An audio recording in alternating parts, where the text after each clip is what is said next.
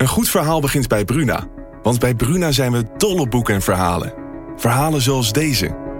De slagen van de noodklok dreunen over het dorp. Zwaar en dreigend. Ze overstemmen de gemoedelijke drukte op de markt. En alle handelingen vallen stil. Wat zou er aan de hand zijn? vraagt Oda ongerust. Wil jij weten hoe dit afloopt? Je leest het in Bloedlijn van Simone van der Vlucht. Nu bij Bruna.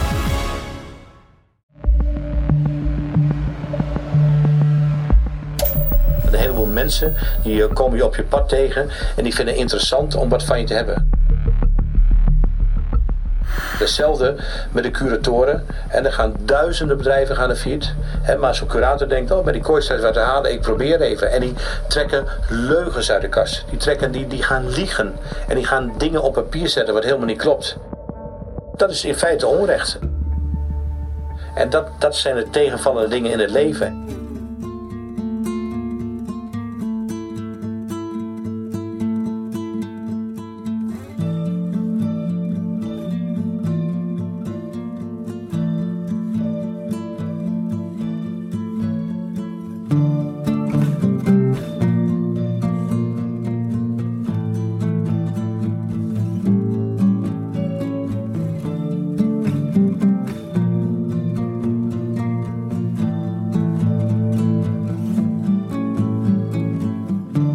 April van dit jaar. We krijgen een krantenartikel doorgestuurd. Met chocoladeletter staat er in de kop van dit artikel: Villa van Weile horeca-tycoon Sjoerd Kooistra in Marbella wordt geveild. Het eerste bod ligt er al: 3,5 miljoen euro. Onderaan in het artikel is een filmpje te zien, waarin je wordt rondgeleid door de miljoenenvilla. Het is een gigantisch huis gelegen in een grote Spaanse vallei. In het filmpje neemt een drone je mee over het landgoed van ruim 700 vierkante meter. Zwembaden, een sportschool, een golfbaan, een bioscoop en natuurlijk een open haard. Hoe kan het dat zo'n prachtige villa meer dan tien jaar later nog steeds niet is verkocht? Hoe zit dat? We willen deze vraag voorleggen aan curator Sjerp Gratema. Dat is die curator waar Martin Nijdam het ook al over had. Hij gaat over het faillissement van het bedrijf van Short, Plasania BV. We hebben de contactgegevens van Sjerp Gratema. Maar het contact verloopt alles behalve soepel. We krijgen hem moeilijk telefonisch te pakken. Hij reageert wel op appjes. Sjerp Gratema zegt niet over de verkoop van deze miljoenenvilla te gaan. Daarvoor moeten we bij iemand anders zijn. Hij verwijst ons door naar een tweede curator, Erik Looyen. Ik ben Erik Looyen, advocaat in Arnhem en sinds 2010 curator in het faillissement van Dick Loorbach en vereffenaar in de nalatenschap van Sjoerd Kooistra. Erik Looyen is makkelijker bereikbaar. Hij is vriendelijk en werkt graag mee. Een paar dagen later zitten we op zijn kantoor in Arnhem. Wat is zeg maar het grote verschil tussen u en SERP? Uh, SERP was curator van de beheersmaatschappij van Kooistra, Plasania Beheer BV. En ik ben vereffenaar van zijn nalatenschap. Ja. En dat zijn twee verschillende dingen. Uh, je zou kunnen zeggen dat ik over het privévermogen ga. En dat SERP Gratama over al het uh, bedrijfsmatige vermogen gaat dat in de BV's van Kooistra zat. Dus u heeft goed contact met SERP? Goed contact met SERP, absoluut. Ja. Waar loopt u op dit moment nog het meest tegenaan bij uh, de afhandeling? Um, er zijn eigenlijk twee thema's waar ik op dit ogenblik nog, uh, nog mee bezig ben. Dat is allereerst de verkoop uh, van een villa in Marbella. Die Spaanse villa is precies de reden waarom er nog iemand bij dit gesprek zit. Hij heeft er lucht van gekregen dat wij een afspraak hebben met de tweede curator, Erik Looyen. Mijn naam is Ron Verheij. Uh, ja, u, vraagt wat doe ik? Ik uh, ben vroeger confectiefabrikant geweest en ik heb spelenderwijs uh, veel eh, geïnvesteerd in hoorend goed. En ook in horecapanden. En ook bepaalde horecabedrijven zelf uh, opgericht, zoals Pinocchio-restaurants en Juffrouw Tok-restaurants. En uh, ja, en spelende wijze is toen ook uh, vriend Koistra om de hoek komen kijken. Die heeft een stuk of vier, vijf panden van mij gehuurd. En ja, dat is eigenlijk de situatie hoe ik met Sjoerd Koistra in aanraking ben gekomen. Ron Verheij wil heel graag zijn verhaal vertellen. En een boekje open doen over Oscar Hammerstein. Met een map vol papieren en een gekwetste indruk spreken we ook hem op het kantoor van Erik Looyen. En daar komen we erachter dat Ron Verheij een van die schuldeisers is, die nog altijd op zijn geld wacht. Zeg maar een jaar of tien geleden kwam hij bij mij. Toen zei hij: God, ik ben een villa-aanbouwer in uh, Marbella. Een villa van 7 miljoen. En uh, ik heb dan maar een eerste hypotheek op van 3 miljoen. Maar ik heb nog even 3 miljoen nodig. Wil je me e-, even helpen? Toen heb ik gezegd van ja, ik ben geen uh, bankier. Maar ja, nee, als je dat doet, dan wil ik misschien nog wel een andere zaak van je huren. En je krijgt het terug en je krijgt een tweede hypotheek. Nou ja, hij was een enorm gezellige praat het altijd. Dat wil zeggen, hij wist altijd makkelijk met leuke verhalen het heel mooi over te laten komen. Ik heb ook gezegd, ik wil het alleen. Ik ben ook naar Marbella gegaan. Ik heb het huis bekeken wat de aanbouw was. Ik hij heeft me al de stukken laten zien, taxatiesrapporten laten zien, de bouwkosten laten zien. Ik denk, nou ja, daar kan ik dan geen buil aan vallen als dat een tweede hypotheek wordt. En uh, ja, en daar staan daar staan bij, je schrik je rot, van 10, 20, 30, 40 miljoen. Men beweert dat meneer Poetin er woont. Ik weet dat hij er woont. En die heeft daar een landgoed van uh, eh, 45 hectare, mijn eigen, mijn eigen uh, wijnbrouwerij. En dan kun je één fles wijn kopen voor uh, eh, 300 euro. En dan kun je zeggen, kijk eens, dat is van meneer Poetin. En de, de schuine overbuurman, dat is de burgemeester van Leningrad, heeft een huis van 6 miljoen. En zo ga je maar door. Dat, het is, een, bizarre wereld. Een apart wereldje, dat is niks voor mij in ieder geval. 3 miljoen is niet zomaar een bedrag. Hoe ging dat? Gaat u dan, ging hij gewoon naar uw huis en zei hij van... Uh, hij was bij mijn thuis, ja. En het was ook maar voor even en, enzovoort enzovoorts. En ik zou het heel vlug terugkrijgen. Als de file afgebouwd uh, was, dan ging hij zijn eerste hypotheek verhogen... zodat ik mijn tweede hypotheek zou terugkrijgen. En wat voor indruk maakte hij op u toen? Een goede, uh, redelijke indruk. Een hardwerkende horeca-ondernemer. En die toch wel goed deed op, op, dat moment nog. Ja. Maar wat is de reden dat hij bij u aanklopte voor die 3 miljoen? Omdat hij het nergens anders voor elkaar krijgt. Het is er heel moeilijk om een hypotheek te krijgen op een Spaanse villa. Eh, de BBVA-bank die heeft dat allemaal gedaan, de Spaanse bank. Maar die heeft ook gezegd van oké, okay, 6, 7 miljoen en wij geven maximaal eh, de helft. En eh, ja, en dat was net in die periode, een jaar of tien, elf geleden, dat hij was aan het bouwen, maar de horeca viel terug. Dus zijn omzet viel terug, zijn inkomsten viel terug. En toen kwam hij in de problemen. Om, hij dacht het wel even zelf om het te financieren. Maar toen, had, toen kreeg, dat was die periode dat hij ook problemen kreeg met Heineken over, en allerlei pachters over uh, geld wat hij moest betalen. In ieder geval, het liep toen al niet zo lekker, maar dat was mij niet bekend. Hij, deed net alsof hij miljoenen verdiende iedere week. Hè. Dat, uh, dat was Koos altijd. Hoe ging het toen verder? Dus u gaf hem die 3 miljoen en toen? Hypotheek gevestigd. Ja. En uh, nog geen vijf, zes, zeven maanden later heeft hij inderdaad zelfmoord gepleegd. Toen kwam ik in contact met Dick Loorbach en met Hammerstein. En uh, toen heb ik gezegd van nou, dan moet het huis verkocht worden. En toen zei Hammerstein en Dick Loorbach tegen mij van ja, nee, sorry, maar het pand is nu verhuurd aan, aan een Russische meneer voor vijf jaar. Ik zeg, en waar is de huur? Ja, die gaan we allemaal investeren in het huis, want het is nog niet afgebouwd. De opgelaan moet nog afgebouwd worden enzovoort. Dus ook die vijf jaar, ik heb geen rode rotcent aan huur gezien. Dat is allemaal buiten, ja, buiten mij om uh, zogenaamd geïnvesteerd in het pand. En uh, ja, ik heb er nooit meer iets van gezien. En na vijf jaar was ik pas vrij om het eindelijk dan uh, te kunnen verkopen. Dus u dacht, oké, prima, ik wacht het af totdat die man daar dan weggaat en dan gaan we dan verder kijken. Ja, ik had geen andere keus. Nee. Want niemand koopt een villa in verhuurde staat met een rust erin. En dan zijn we vijf jaar verder. De Rus vertrekt uit het huis. Uh, hoe dacht u, nou dan ga ik Oscar opbellen en uh, vragen hoe het nu zit? Ja, ik heb inderdaad Oscar Hammerstein bij mij thuis uh, uitgenodigd. En die deed heel erg onwetend. Ja, sorry, neem me niet kwalijk. Maar hij kwam bij mij thuis.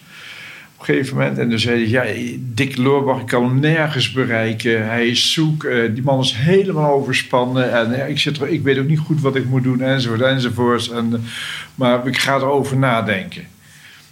Dus dat was Hammerstein die dat verklaarde bij mij thuis.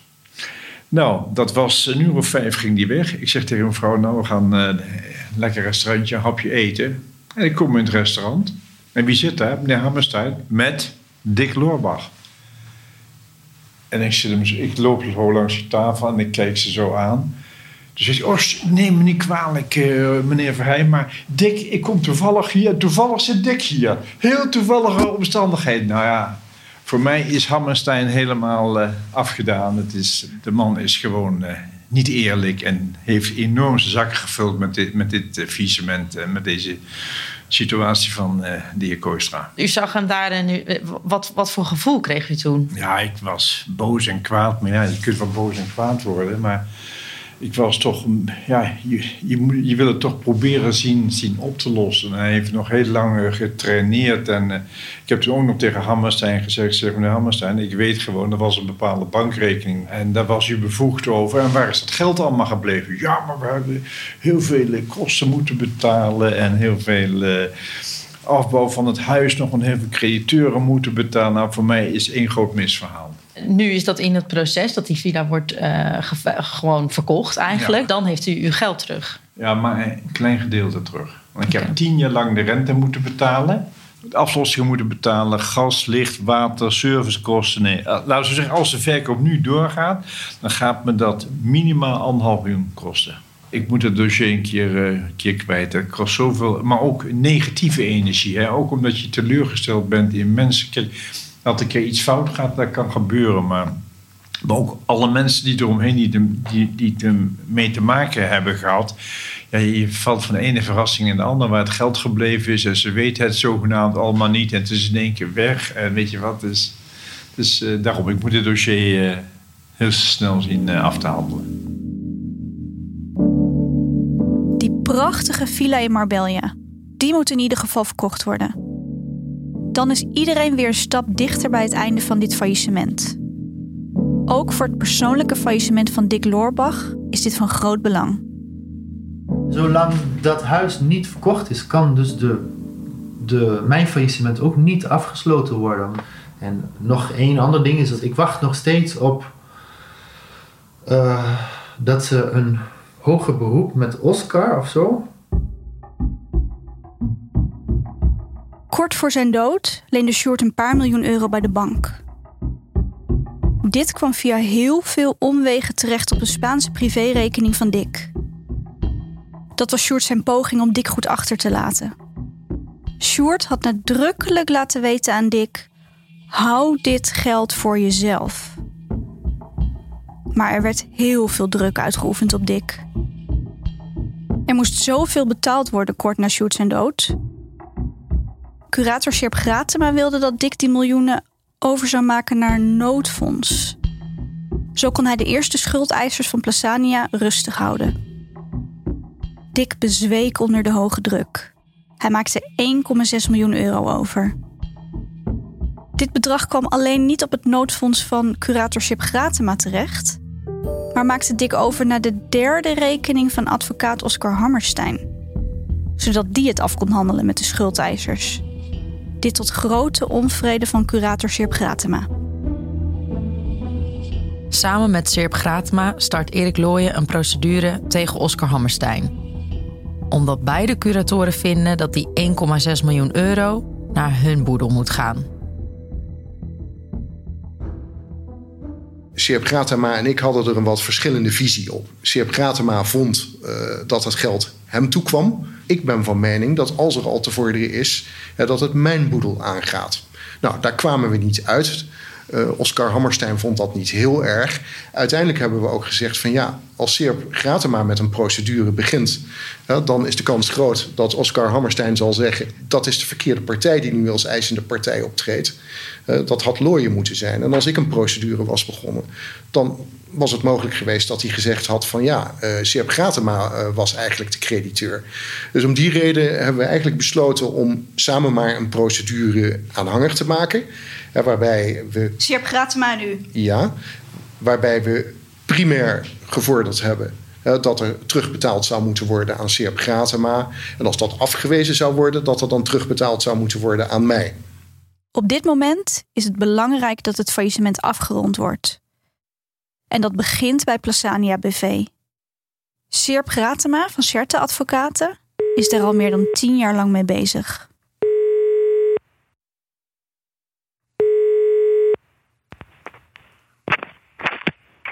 Seerp Gratema. En eindelijk hebben we hem aan de lijn. Ja, ehm, misschien even een, uh, een uh, opmerking vooraf. Ik, uh, u hebt mij een aantal vragen gesteld, althans die gaat u mij stellen over het faillissement van Plasania Beheer BV. dat is het voormalige bedrijf van Bijle Sjoerd Kooistra. En zoals ik u heb aangegeven ben ik als curator gehouden mij hierbij neutraal en terughoudend op te stellen. Omdat bij een faillissement nu eenmaal diverse belangen betrokken zijn. Dus ik kan dan ook niet in detail treden en uh, u slechts op hoofdlijnen informeren. Dus um, met dat um, in het achterhoofd ben ik uh, bereid om een aantal vragen te beantwoorden. Oké. We mogen niet afwijken van de mail met vragen die we vooraf hebben moeten opsturen naar hem. Daar is hij heel duidelijk over. We hebben het gevoel dat we opeens, zonder dat we het doorhebben, midden in een ruzie terecht zijn gekomen. Een ruzie om geld. Sjoerd's geld. Of eigenlijk Sjoerd zijn schulden. Een ruzie waar iedereen zichzelf continu probeert in te dekken. Wat maakt dit faillissement zo groot en complex? Nou, het gaat inderdaad om een groot en complex faillissement. Uh, daarbij is van belang dat er uh, 90 horeca-ondernemingen bij betrokken waren. En die waren verspreid over Nederland. Dus uh, dat maakt dat het uh, faillissement een, een zekere omvang heeft. Um, het was een hele klus om niet alleen alle panden te verkopen, maar ook om alle overige bedrijven. Sierp Gratama legt puntsgewijs uit wat het faillissement zo complex maakt. Ehm, er moest eindeloos overlegd worden met de brouwerijen en de hypotheekhouder. De bestaande horecaondernemingen moesten zoveel mogelijk door kunnen blijven draaien in het belang van de werkgelegenheid. En dat is nogal ingewikkeld als je die panden eigenlijk moet verkopen. Meerdere auto's, een huis en een jacht moesten verkocht worden. En er liepen allerlei conflicten en procedures met mensen die nog geld kregen van Sjoerd. Het gevolg daarvan was dat sommige horecapanden al ontruimd of gesloten waren, voordat het faillissement was aangevraagd. Hierdoor konden die horecapanden niet meer verkocht worden. Normaal gesproken bij een faillissement kan een curator tijdens het financiële onderzoek voor vragen terecht bij de bestuurder. Short in dit geval. Dat was nu niet mogelijk. Terwijl dit wel echt nodig was, omdat de administratie van Short allesbehalve op orde was. Ook waren er veel pachters die achterliepen met betalen. Het uitzoeken wie wat nog moest betalen en het treffen van een regeling met de pachters om dit allemaal af te betalen, daar is veel tijd in gaan zitten. Bij een bestuurder. Uh, ook bleek dat de privébelangen en zakelijke belangen niet goed werden gescheiden. En uh, in feite liep alles door elkaar. Uh, verder bleek er ook dat uh, Koistra circa 25 miljoen euro uit de vennootschap Plasania had onttrokken. En dat dat geld niet meer kon worden terugbetaald. Nou, wat er uh, verder in dit faillissement nog moet gebeuren, is dat er een procedure bij de, eerst, in eerste instantie bij de rechtbank, maar nu ook bij het gerechtshof loopt tegen de voormalige advocaat van de vennootschap. over een zogenaamd noodfonds. Dat was ehm, gestort op de derde rekening van de advocaat. De afronding van het faillissement van Plasania en van Dick hangt dus allemaal af van twee grote zaken. Als dat van Oscar nu, dat is nu een, een ding wat afgehandeld moet worden. En stel de villa is geveild, zou er dan een afronding aan de horizon ja, kunnen de villa is geveld overigens. Het is ge- al gelukt, Ja, oké. ja. Ehm, nou, eh, dat is misschien een wat te snelle conclusie. Ook dat is uitermate complex, omdat je in Spanje niet zomaar vastgoed kunt overdragen. Eh, je hebt een, eh, een, een kadaster, eh, dat vindt er het zijne van. En in principe is degene die over moet dragen, moet ook in de kadasters ingeschreven zijn. Ik ben dat niet in mijn Nederlandse juridische kwaliteiten. En dat geeft een enorm probleem in Spanje. Um, Sjoerd gaf in een, een documentaire van de Caro aan dat het voor hem heel belangrijk was hoe hij Dick Loorbach achter zou laten, zijn partner. Heeft hij hem goed achtergelaten? Ehm, ja, dat was bijna onmogelijk om hem goed achter te laten. En dat komt omdat ze, om het maar even populair te zeggen, in gemeenschap van goederen waren getrouwd. Dat betekende dus eh, alles wat ze samen hadden opgebouwd, gewoon verhaalsvermogen was voor alle crediteuren. En ja, dat kan dan niet goed komen. Uh, dat er viel maar één vermogensbestanddeel niet in de nalatenschap. En dat was Plasania Beheer BV. Alleen dat was ook zo lekker zijn mandje.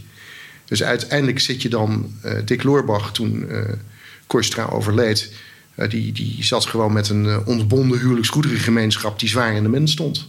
Waardoor hij gewoon als erfgenaam in de prijzen is gevallen. Uiterst negatieve prijzen.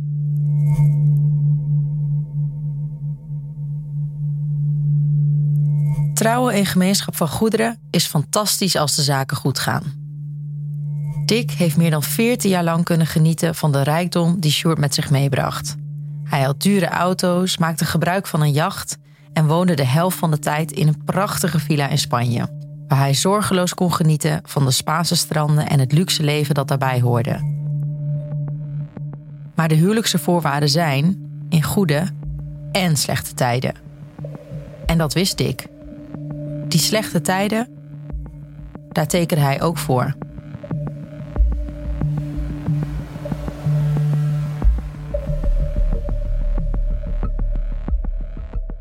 Er zijn blijkbaar drie hoofdrolspelers in de afwikkeling van dit faillissement. Dick, die van zijn persoonlijke faillissement af wil. Oscar Hammerstein, Ik geloof dat hij 7 miljoen van me wil of zo. Zoiets. die ervan beschuldigd wordt dat hij zichzelf kort na het overlijden van Sjoerd geld heeft toegeëigend dat niet voor hem was. Hij vond ook, ook dat al mijn declaraties moest terugbetalen. Ik had al die tijd dat ik voor Sjoerd werkte... ehm, geweten dat hij failliet zou gaan of zoiets. En dan dacht hij, ja, dat is Paulianeus, je moet al uw declaraties terugbetalen. Nou, dat hoor ik dus nu al tien jaar lang. Een van de redenen waarom het zo lang duurde... is omdat ik in de rechtszaal ook altijd meteen ruzie met hem krijg. Gaat dit ooit een afronding krijgen, dat dit faillissement? Of wordt dit een... Ik heb, ik heb, ik heb eerlijk gezegd geen idee. Maar het is, niet iets wat me boeit of me wakker houdt. Ik heb een, een- een- mijn verzekeringsmaatschappij, die eh, verzekeraar, die procedeert tegen ze. En het kost honderdduizenden euro's, die procedure. Honderdduizenden euro's. Echt waar. En Sjerp Gratema, die bezig is met het faillissement van Plasania BV. En door de nabestaanden wordt beschuldigd van het nodeloos rekken van dit faillissement. Nou, daar herken ik mij niet in. Eh, ik heb al aangegeven eh, dat eh, het een heel groot en complex faillissement is. En daar gaat nu eenmaal heel veel tijd in zitten om dat faillissement te behandelen. Daarnaast geldt dat alle curatoren die eh, ehm, daarop wordt toezicht gehouden door een rechtscommissaris. En ook op zeg maar het declaratiegedrag van de curator. Als daar klachten over zijn, dan eh, kunnen die ook bij de rechtscommissaris worden ingediend. En dat is in dit faillissement eh, eh, niet gebeurd. Dus ja, ik kan alleen maar zeggen dat, dat wij het zo goed mogelijk gedaan hebben. En, en dat het gaat om een groot en complex faillissement. Maar wie eigenlijk in dit tragische verhaal ook een hoofdrol zou moeten hebben, zijn de schuldeisers. Zij wachten al meer dan tien jaar lang op hun geld. In het faillissementsverslag dat we van Oscar Hammerstein krijgen, vinden we een lijst van meer dan 100 schuldeisers. Zakenmensen zoals Ron Verheij, maar ook koffieleveranciers, een dierenkliniek, een klein beveiligingsbedrijf. De lijst stelt vier pagina's. Een paar pagina's verderop in het verslag zien we dat we duidelijk het verkeerde beroep hebben gekozen. Curator Sip Gratema heeft namelijk aan dit faillissement al meer dan 1,6 miljoen euro verdiend.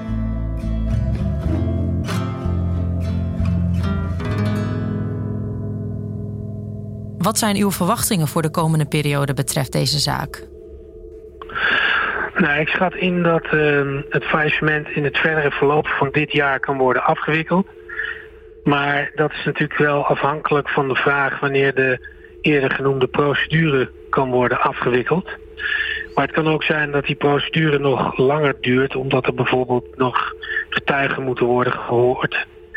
Maar hopelijk zal dat allemaal niet nodig zijn en kan uh, na de einduitspraak het faillissement worden afgewikkeld.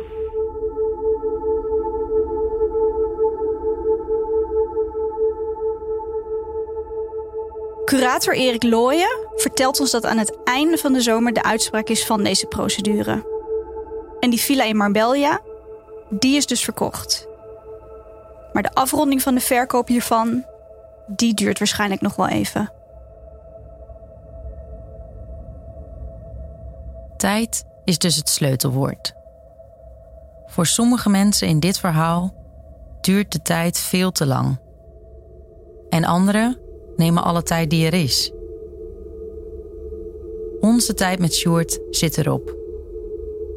We spraken eindeloos over hem, met zijn vrienden en met zijn vijanden. Bijzondere mensen die hem keer op keer proberen te vatten in woorden. En wij mochten aan hun keukentafel zitten. Op ijskoude avonden, regenachtige middagen en frisse ochtenden in de lente. En nu is het dan eindelijk zomer. En hebben wij het samen over hem en over ons. Op het terras van zijn drie gezusters. In ons geliefde Groningen.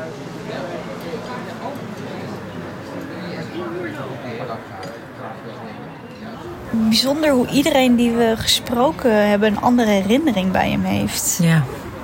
Door de een heeft echt hele fijne momenten met hem meegemaakt. En deelt dit ook graag. Dat merkte ik echt. Ja, en dan iemand anders die wil ons niet eens te woord staan... omdat het dus ja, nog steeds te pijnlijk is. Ja. Ja, en ook hoe door in zijn leven te duiken... er verschillende verhaallijnen zijn ontstaan. Mm ja. Maar goed, dat heeft misschien ook te maken met wie je erover praat natuurlijk. Ja, dat denk ik wel. Want ik zit nu te denken, stel ze zouden een podcast over mij maken... dan hoop ik niet dat ze met jou praten, want dan heb ik het wel zeker.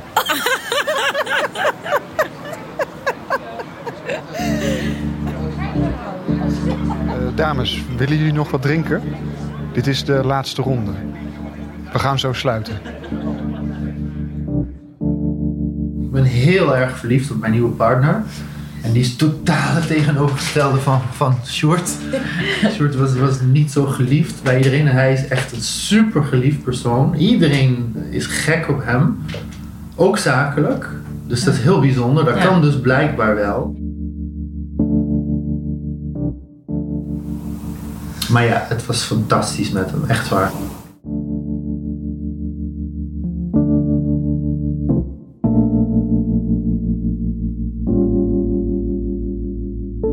met niks begonnen, met helemaal drie keer niks.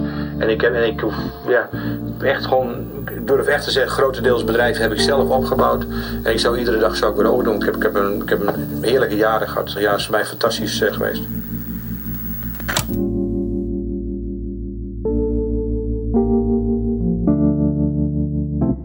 Dit was een podcast van Geesje Oostland en Meerte Klaus. Samen zijn wij de geluidmakers. Deze podcast is gemaakt voor het Dagblad van het Noorden. Eindredactie en begeleiding was in handen van Astrid Cornelissen.